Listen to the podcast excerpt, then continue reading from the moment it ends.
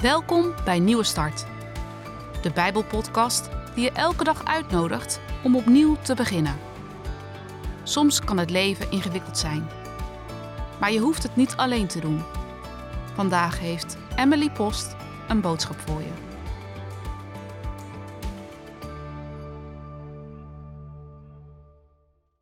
We lezen Matthäus 11, vers 28 tot 30. Kom naar mij toe, allen die vermoeid en belast zijn, en ik zal u rust geven. Neem mijn juk op u en leer van mij dat ik zachtmoedig ben en nederig van hart. En u zult rust vinden voor uw ziel. Want mijn juk is zacht en mijn last is licht. Vorig jaar bracht ik drie dagen in een klooster door. Dat leek mij wel wat.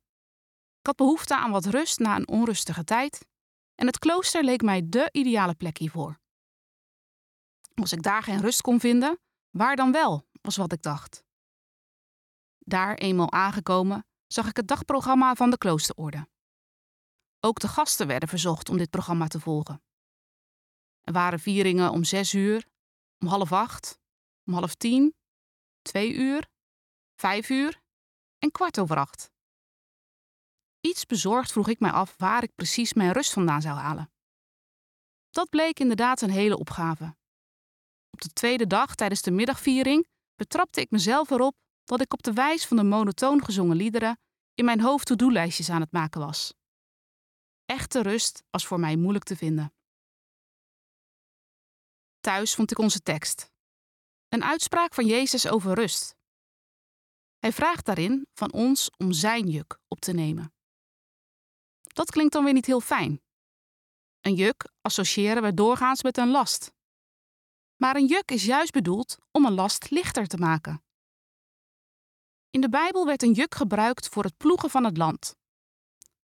Een juk was een stuk hout dat op maat gemaakt werd, om zo goed te passen op de schouders van een os.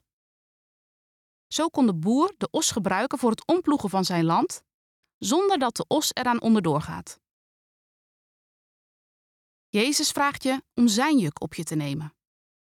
Hij wil je dit juk geven. Dit betekent dat je je overgeeft aan Hem. Dat je van Hem wil leren. Dat vraagt gehoorzaamheid.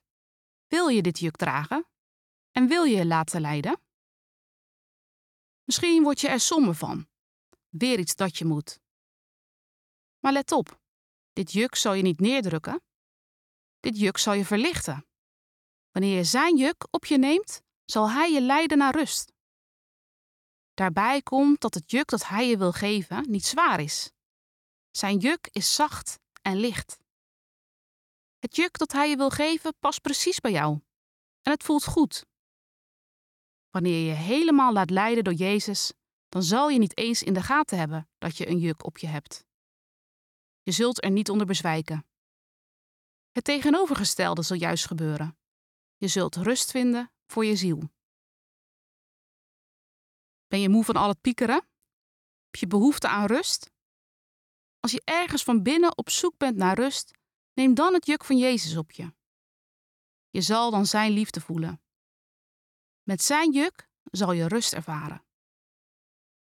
Rust. Verlang je er ook naar? Misschien zoek je het net als ik ook wel eens op een specifieke plek. Een gebouw, een monument of een plek in de natuur? Of misschien denk je dat je pas aan rust toekomt op een onbewoond eiland. Maar hoe heerlijk en rustgevend het overal ook lijkt, het is leeg zonder Jezus. Echte rust is niet te vinden op een onbewoond eiland en ook niet in een klooster. Echte rust is alleen te vinden bij Jezus. We zullen bidden. Trouwe Heer Jezus, dank u voor uw juk. U weet als geen ander dat wij rust nodig hebben. Geef ons moed en gehoorzaamheid om uw juk op ons te nemen, zodat wij rust vinden voor onze ziel. Amen. Is het juk van Jezus voor jou een lust of een last?